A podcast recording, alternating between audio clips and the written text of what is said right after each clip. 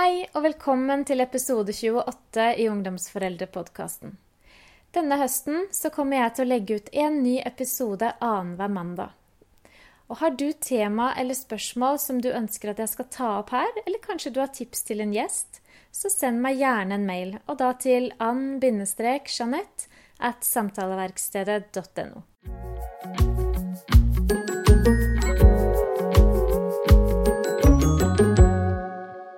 Før vi går i gang, så vil jeg gjerne få lov til å fortelle deg litt om et nettkurs som jeg lanserer 1.10. Det er et kurs for foreldre som ønsker mer glede, inspirasjon og trygghet, og ikke minst kunnskap og gode verktøy til et bedre liv med tenåring i huset. Gjennom kurset så vil du få kunnskap til å bedre kommunikasjonen mellom deg og ditt barn. Du vil bli enda bedre kjent med deg selv og øke bevisstheten din på hva slags mamma eller pappa du ønsker å være. Og ikke minst vil du få hjelp til å håndtere vanskelige situasjoner som du opplever knyttet til det å være mamma eller pappa. Kurset består av seks moduler som du får tilsendt én modul hver mandag fra 1.10 og utover. Hver modul inneholder flere leksjoner og oppgaver, og du kommer til å ha alt materiell tilgjengelig i et helt år. Og så blir du invitert inn i en lukket Facebook-gruppe for kursdeltakere. Og de første 20 som registrerer seg, de får en personlig samtale med meg i løpet av kurset. Og så har jeg et ekstra godt tilbud til deg som er podkastlytter. Så send meg mailadressen din hvis du ønsker mer informasjon om det tilbudet og om kurset mitt. Temaet for denne episoden er barn som pårørende, og gjest er Anne Kristine Bergem. Hun er psykiater med lang erfaring fra psykisk helsevern. Hun har jobbet med barn som pårørende på ulike måter gjennom mange år nå, og hun har skrevet til sammen fem bøker om temaet. Anne Kristine hun har også lang erfaring med podkast, for hun har vært fast huspsykiater i podkasten Pia og psyken, men nå er hun altså min gjest. Og vi skal snakke om hva vi voksne kan gjøre når det oppstår en krise, sykdom eller annet i familien. Hvordan skal vi involvere barna i det? Hva skal vi si, rett og slett? Og på hvilken måte kan man selv sørge for å få den støtten som man trenger i en sånn periode? Og mot slutten så deler Anne Kristine litt fra sin egen tenåringstid også. Jeg sier bare god lytt.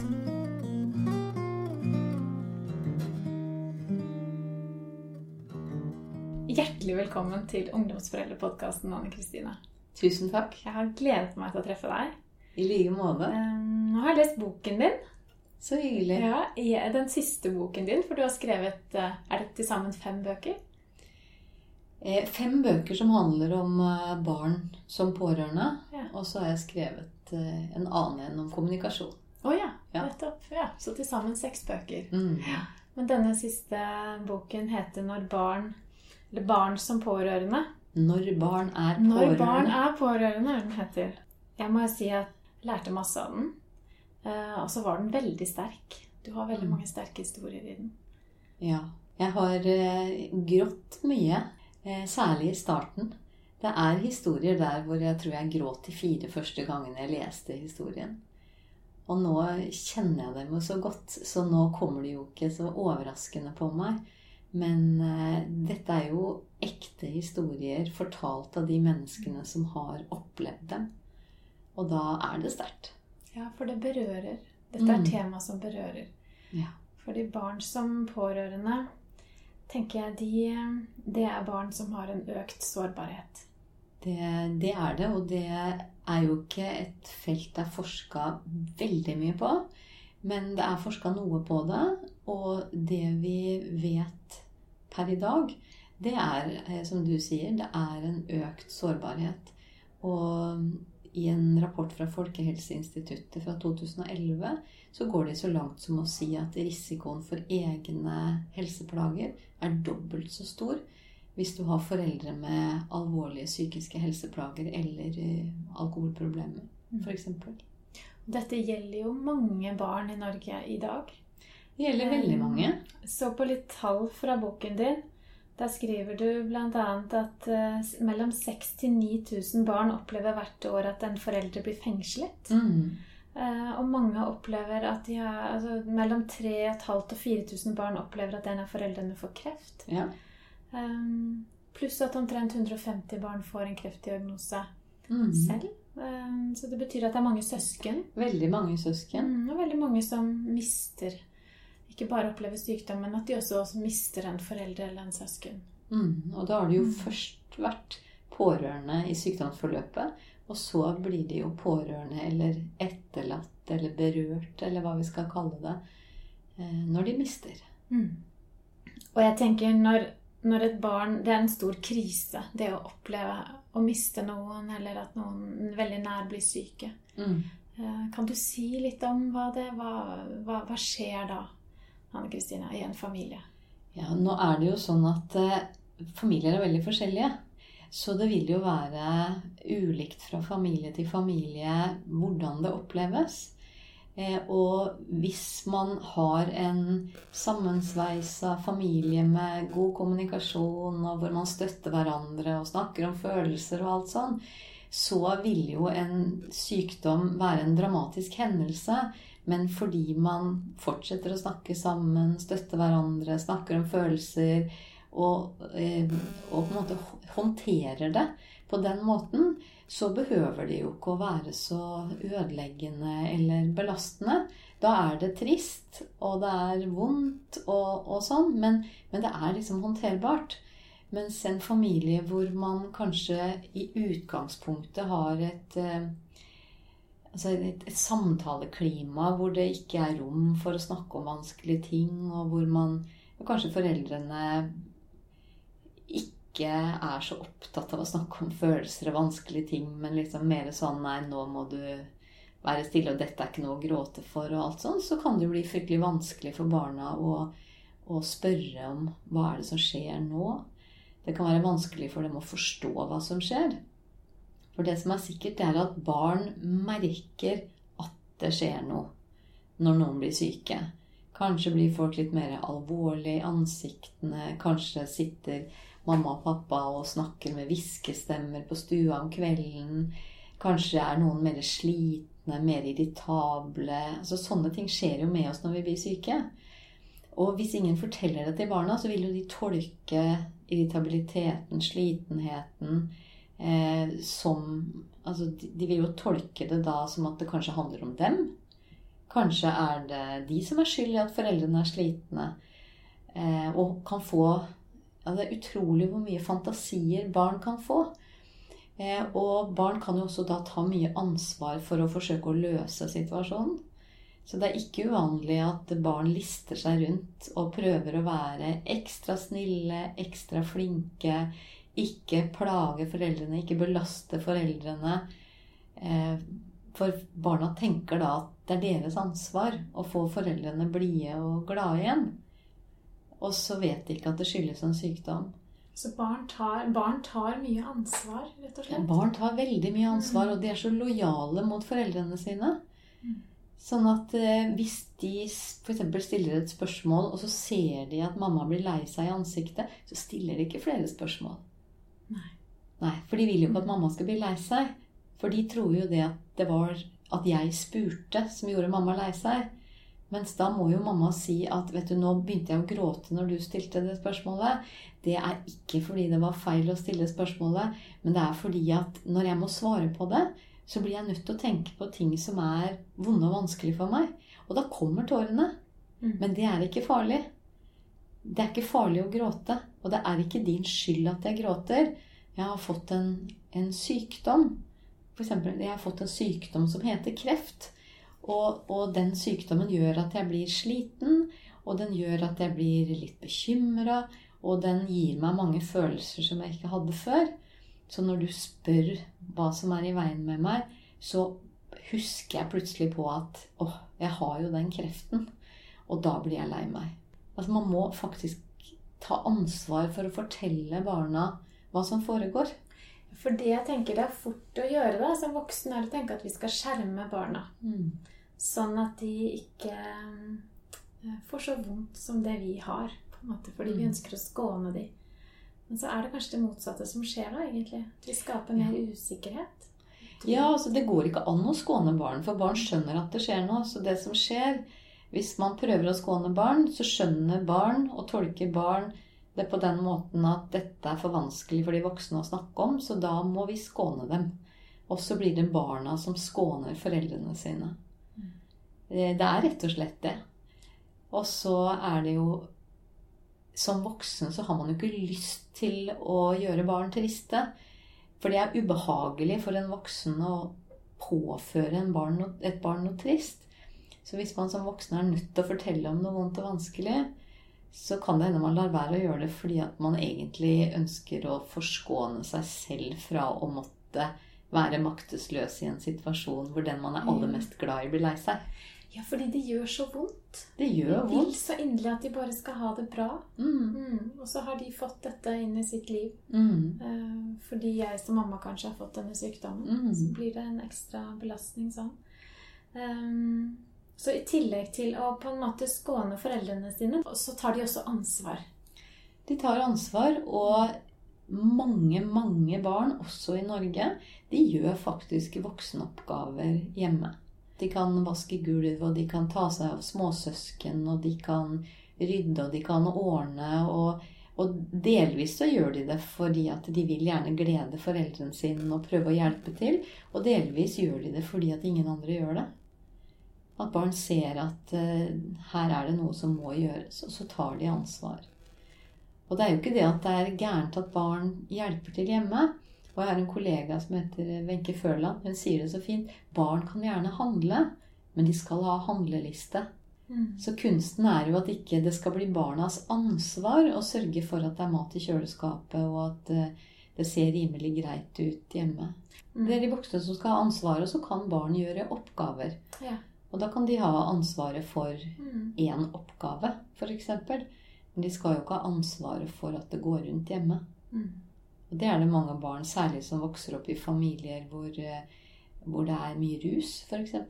De tar veldig mye ansvar. De tar ansvar for foreldrene sine, som da ikke er i stand til å ta vare på verken seg selv eller barna. Mm. Mm. Det er barn som skynder seg hjem fra skolen i redsel over at mor har drukna i sitt eget oppkast. Det er ikke, sånn skal det ikke være. Sånn skal det ikke være. Men det har blitt tatt mer på alvor, dette med barn som pårørende, de siste årene. Ja, det kom jo et tillegg i helsepersonelloven og i eh, lov om spesialisthelsetjenesten i 2010 eh, som sa det at eh, alt helsepersonell har plikt til å sjekke om voksne pasienter har barn under 18 år. Så ble det jo gjort en slags evaluering, hvis vi kan kalle det det, som ble publisert i 2015. Som kalles multisenterstudien. Eh, og der ha, evaluerte de jo hvordan er det, da.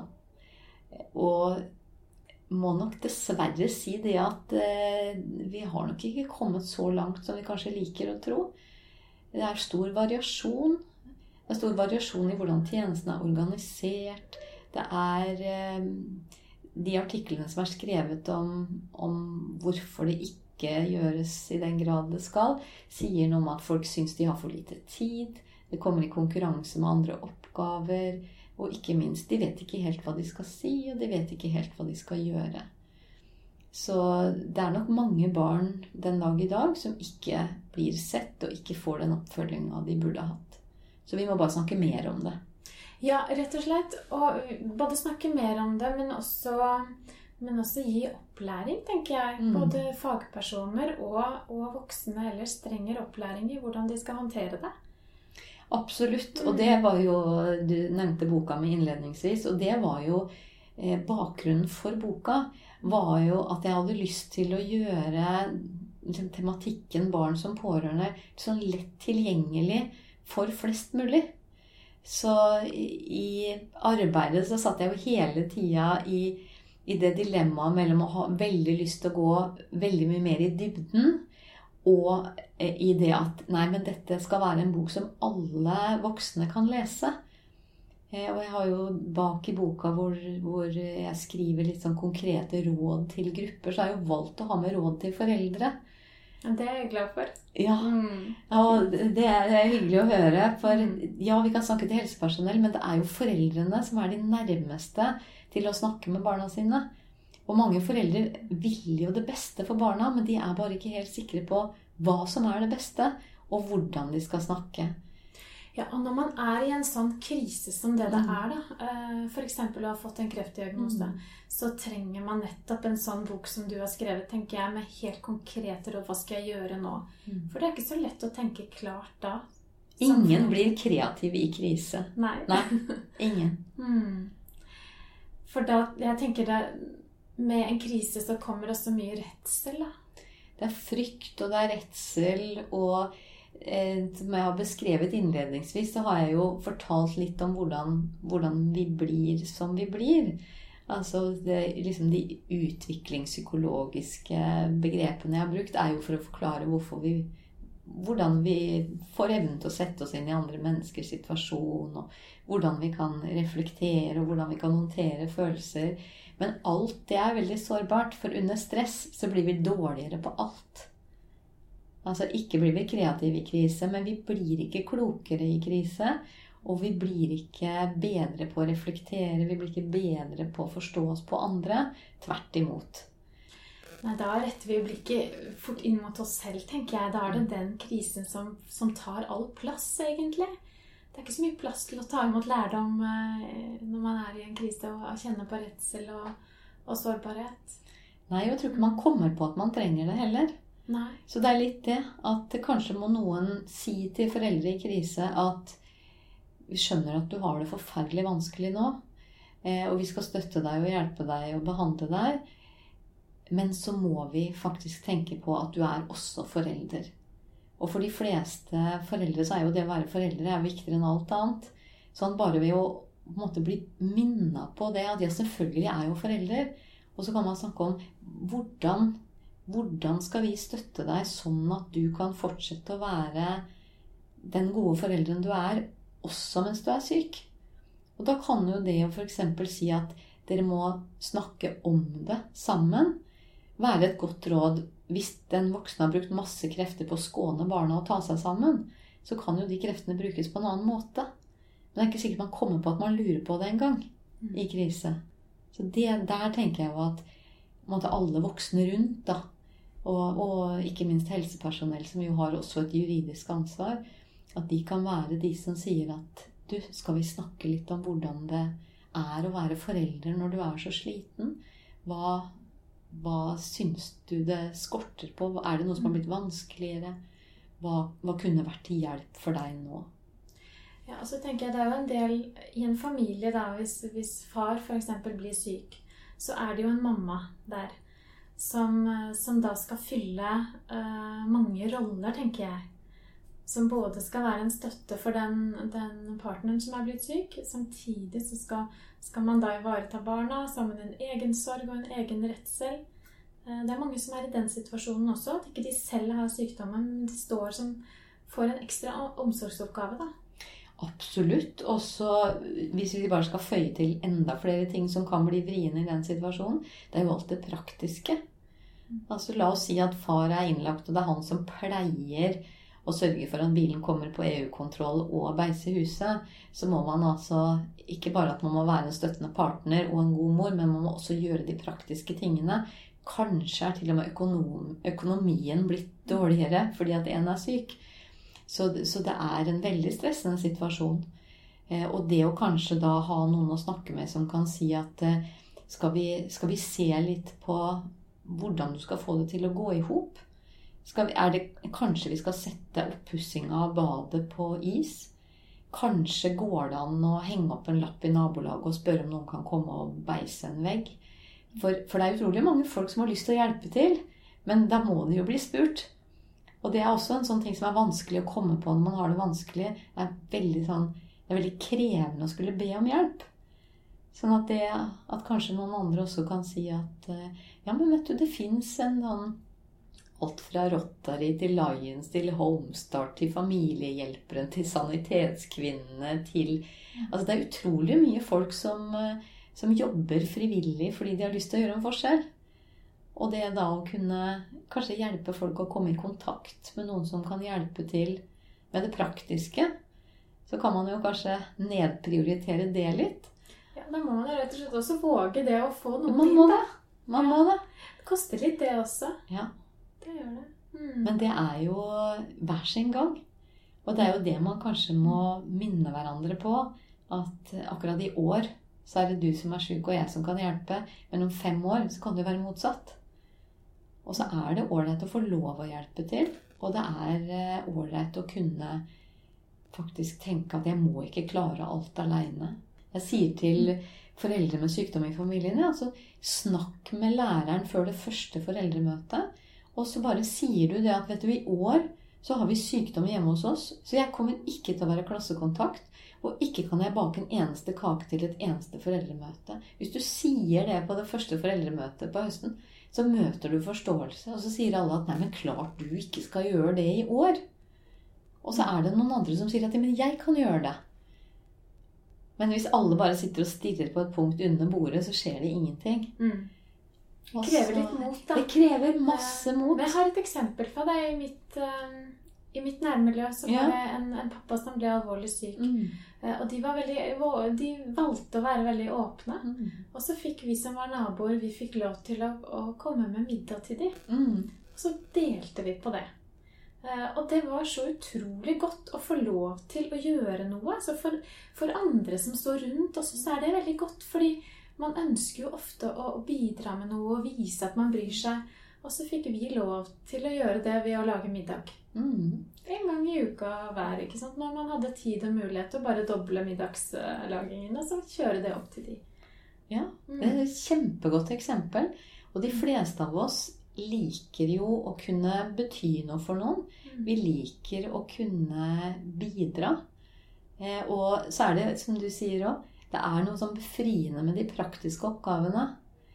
Sånn at det, det å spørre noen vet du, Kan du klippe gresset for oss i løpet av denne uka her? Så vedder jeg på at du får ja i de fleste tilfellene. fordi at det er sånn Da begynner du, og så gjør du en jobb, og så slutter du, så har du gjort en forskjell.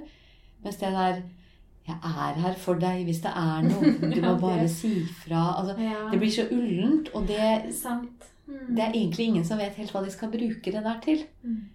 Så det er også å si også Du kan ikke ungene dine bli med hjem til oss eh, på mandag, så tar jeg dem med i bilen og kjører dem på trening. Altså at man gjør litt sånne konkrete ting. Og, og hvis man i tillegg da klarer også, også be om hjelp, så, så tenker jeg det blir en sånn vinn-vinn-situasjon, egentlig.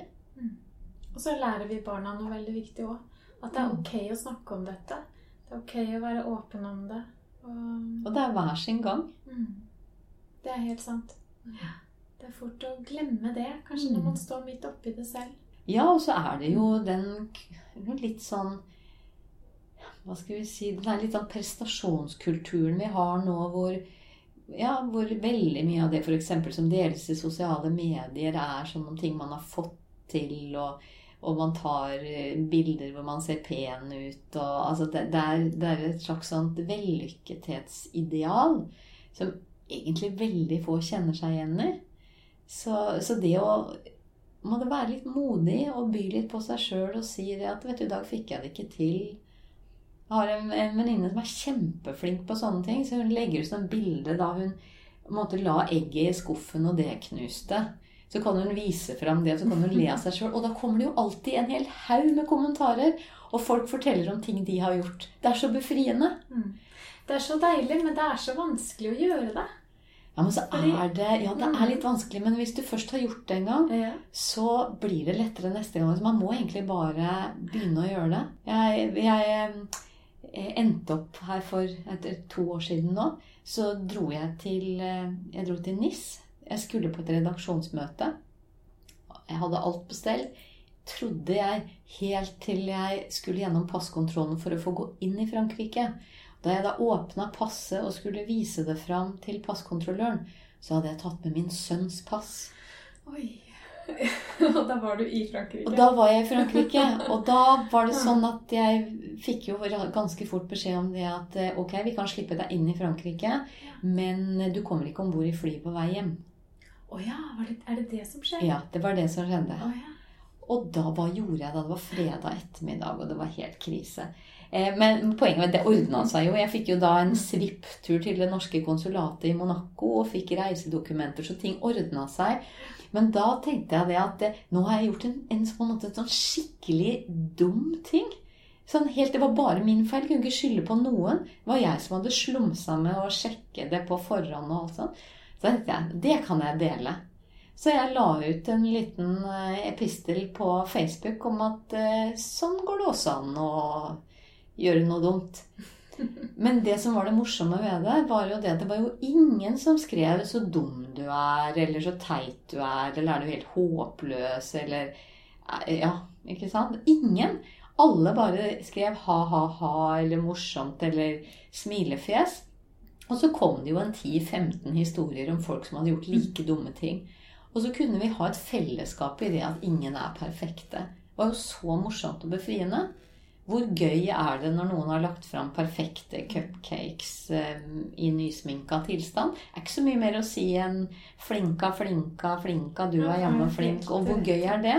Nei, det er jo ikke gøy. Nei. Nei. Man bare føler seg bare dum og tenker at 'å, sånn ser aldri mine cupcakes ut'. Jeg finner ikke på å kalle dem det engang. De heter muffins på en god dag. Altså at man er litt i det.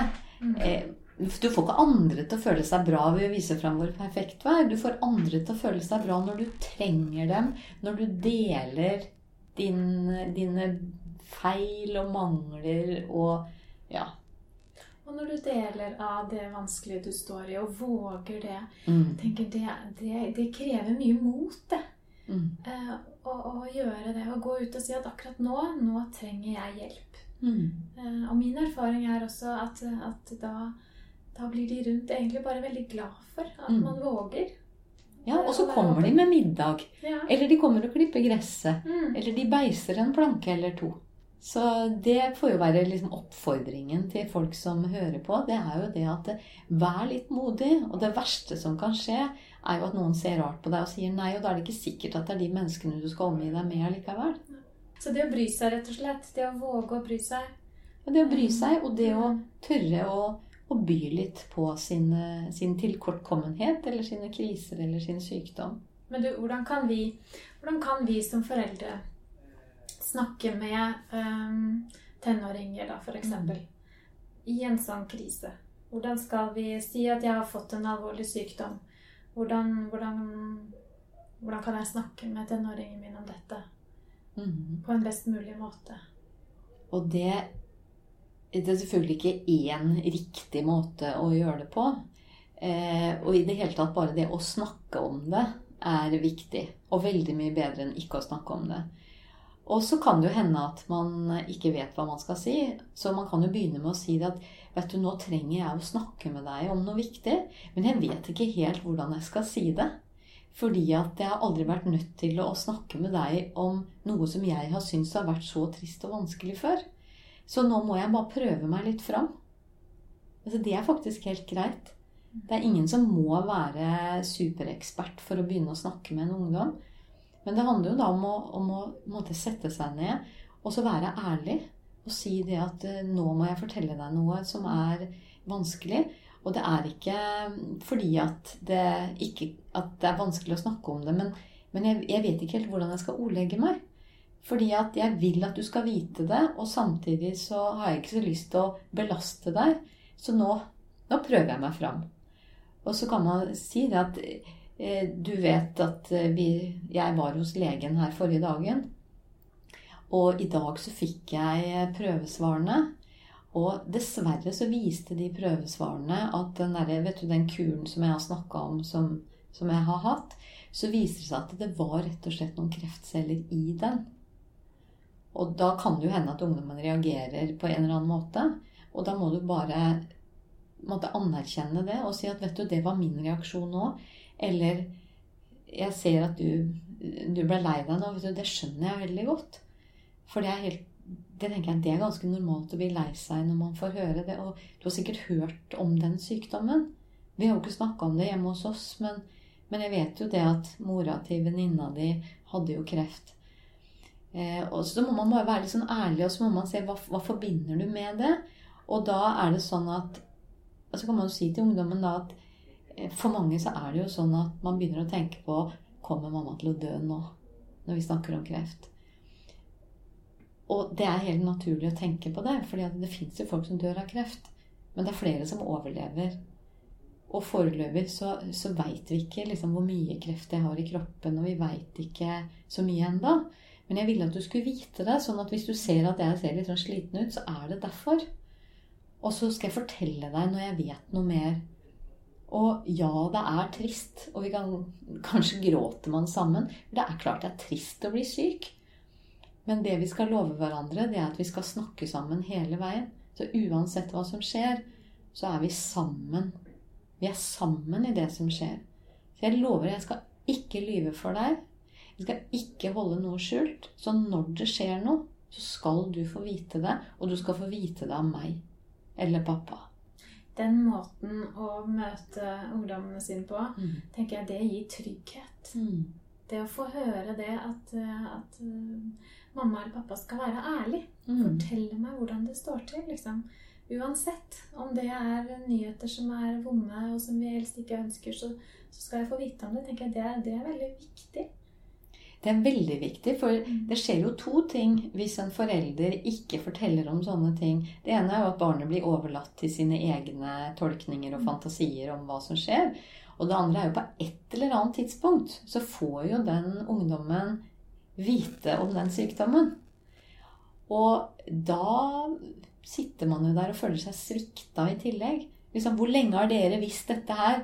Ja, nei, det har vært halvannet år nå. Hvorfor har dere ikke sagt noe? Ja, nei, men vi ville skåne. Ja, men dere har løyet for meg. Dere har Jeg vil jo også vite. Så har man svikta tilliten da, ved å holde ting skjult over lang, lang tid. Mm. Da har man plutselig en utfordring til. Ja, for hvorfor skal ungdommen begynne å stole på dere nå, da? Ja, nei, det er ikke liksom. Kan jeg, jeg kan ikke stole på dere nå. Dere sier jo ikke det som er sant.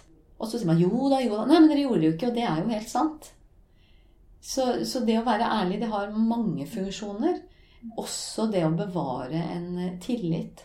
Bevare en åpenhet, men også bevare en tillit. Og at ungdommen kan være trygg på at eh, når det skjer noe i vår familie som berører oss som familie, så får jeg vite om det. Og det betyr ikke at ungdommer skal vite alle detaljer om sine foreldre. Det er ikke det det handler om. Og, og, det skal alltid være for å ivareta ungdommens behov. Det skal ikke være at eh, jeg er så sliten og jeg trenger noen å snakke med, så da bruker jeg tenåringen min som samtalepartner. Det er, det er ikke riktig motivasjon. Men det skal være hva trenger ungdommen min for å kunne fortsette å være ungdom også mens jeg er syk. Det er en viktig forskjell. Da blir vi voksne trygge mm. og gode. Eh, og tar ansvar for situasjonen, tenker jeg da. Mm. Når, vi, når, vi, legger det frem på den måten. Mm. Vi voksne må klare å fortsette å være voksne også når det skjer noe. Og som du skriver litt sånn ut i boken din, så skriver du Det er veldig, veldig vakkert, syns jeg. Eh, du skriver 'alle voksne må bry seg'. Alle voksne må bry seg om alle barn de møter. Enten det er i nabolaget eller på skolen. Voksne må tørre å se og handle også når det er ubehagelig. Barna har ingen andre. Det syns jeg var sånn fint skrevet, av Kristine. Det er det det handler om. Det er det det handler om. Men jeg har lyst til å spørre deg eh, helt til slutt. Mm. Uh, det, å være en, det å være tenåring er en sårbar tid. Mm. Står man står liksom og balanserer mellom barndommen og voksenlivet. og og i det ene øyeblikket så trenger man et trygt fang og, og, trøst. I det neste øyeblikk så skal man være selvstendig og ta ansvar. ikke sant? Da står tenåringene og balanserer. Det er ganske det er en utfordrende periode for de, men også for foreldre. Absolutt. Mm. Det er eh, Ja, det er krevende å være storbarnsforeldre. Det er helt sant. Men hvordan var din egen Hvordan var din uh, tenåringstid da, Kristina? Det er noen år siden, men ja, da, det, husker det. ja, og vet du, det, det er faktisk noe som har vært til stor liksom, nytte for meg. Det er at jeg husker veldig mye. Altså, jeg husker veldig mye fra jeg var, helt fra jeg var liten.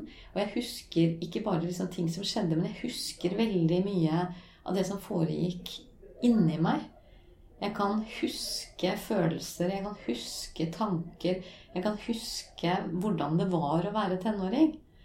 Gjør du det? Jeg gjør det. Men Har du en idé om hva det hva kan, Hvorfor husker du Nei, dette så godt? Jeg vet ikke.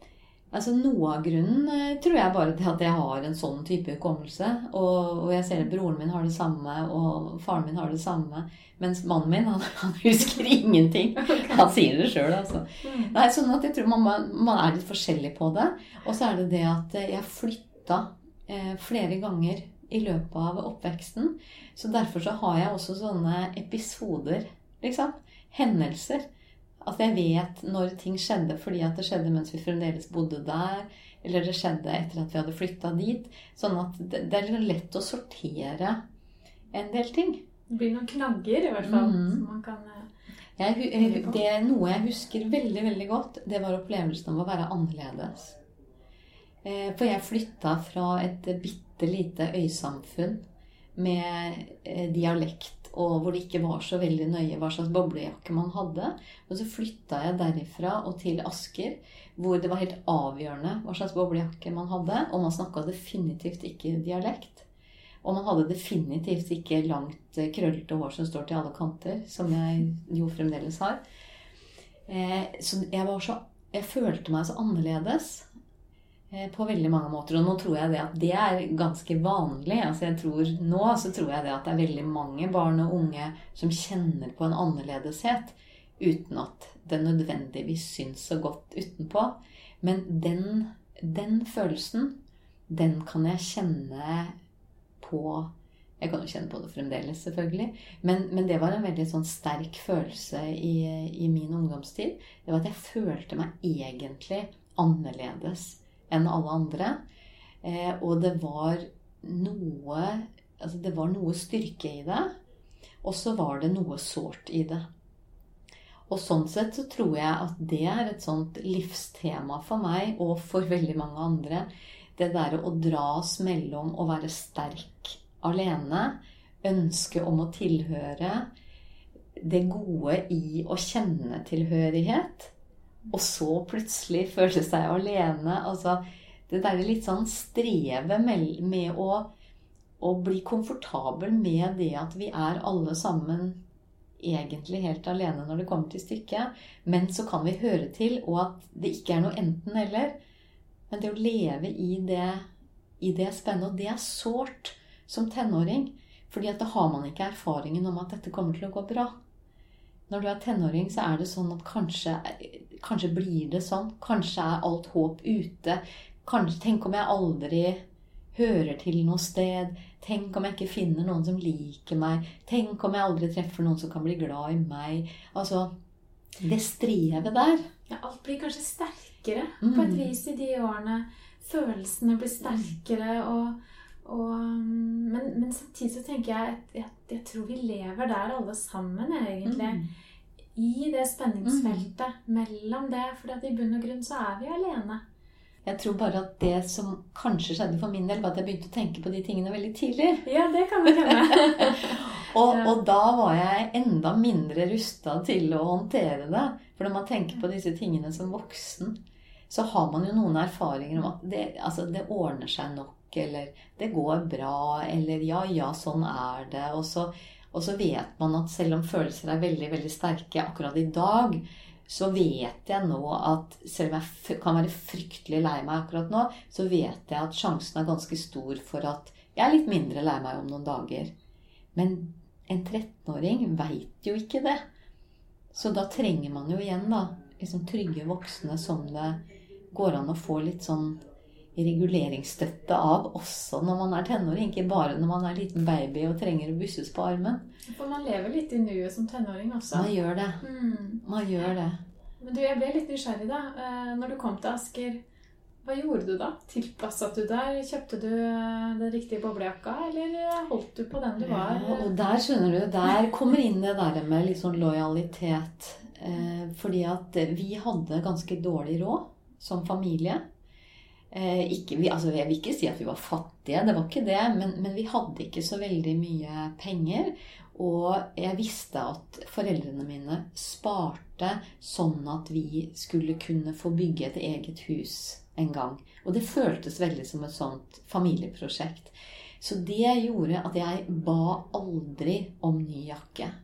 Og så det, det å så jeg valgte på en måte å tåle den belastningen det var å bli litt sånn erta, og at folk himla med øynene og pekte på den gamle jakka mi. Fordi at det var viktigere for meg å være lojal mot familieprosjektet Nytt hus. Jeg er ikke sikker på om jeg ville gjort, altså gitt det samme rådet til meg selv hvis jeg kunne gi det nå. For jeg tror kanskje at omkostningene var ganske store. Men det er ikke sikkert at den jakken hadde forandra noe, for den var vel bare et symbol på at jeg kjente på en annerledeshet. Eh, og jeg gikk også med det lange, krøllete håret i flere år før jeg klippa det kort, for jeg ville liksom ikke gi meg heller. Men, eh, men det var ikke noen spesielt hyggelig år. Jeg tror ikke at jeg, at jeg trivdes på skolen sånn ordentlig trivdes på skolen før jeg begynte på videregående. Mm. mm. Så det var noen år der som ikke var spesielt eh, ålreite. Men jeg vet ikke, jeg tror kanskje ikke ungdomsskolen er noen høydare for så veldig mange. Du, det tror jeg det er for de færreste, egentlig. Ja. ungdomsskolen må bare komme seg gjennom, rett og slett. Ja. Prøve å komme seg helberget gjennom de tre årene. Så er det litt lettere på videregående. Det er litt, litt større rom for å være den man er. Ja, det er det. Mm. Men jeg har tenkt en del på det at, at burde det vært noen flere si, voksne til stede i ungdomsskolen. For på barneskolen så er det i hvert fall litt mer sånn at eh, man patruljerer skolegården i friminuttene, og, og foreldrene er litt sånn tettere på, og det, det tas opp litt mer. Også på videregående så begynner man jo å bli ja, ikke akkurat voksen, men, men litt mer. Mens på ungdomsskolen så, så er det litt sånn midt imellom. Man er egentlig for mye barn til å håndtere ting aleine. Men så er man blitt så stor at lærerne ikke patruljerer skolegården lenger. Og det betyr jo det at eh, mobbing, erting, plaging kanskje kan utspille seg Jeg vet ikke helt hvordan det er i dag, men det er i hvert fall en sånn fantasi jeg får da, om at, eh, om at det er færre tydelige, tilstedeværende voksne i ungdomsskoleperioden. Når det kanskje hadde vært mest nødvendig. Ja, det tror jeg du har veldig rett i. Og så er det tre år hvor hvor det også er så forskjell på hvor man er. Da. Noen er godt på vei inn i puberteten og er, er høye og, og, liksom blitt litt ungdom allerede når de begynner på ungdomsskolen, mens andre er fortsatt barn. Mm. Så det er så stor forskjell i den alderen. Og det, det gir jo også liksom grobunn for utrygghet, tenker jeg. Veldig. Mm. Man er utrygg inni, og så føles det utrygt rundt, og da blir det strevsomt. Mm. Så flere, flere voksne inn i ungdomsskolen. Ja, kanskje det. Rett og slett. Ja. ja. Noen miljøterapeuter som ja. kunne være litt sånn tilgjengelige i skolegården. Kunne vært fint. Da har vi sådd den, da vi sådd ideen. Den ideen. Det er bra. Tusen takk, Ann Kristine, for at du ville være gjest her hos meg. Takk for at jeg fikk komme.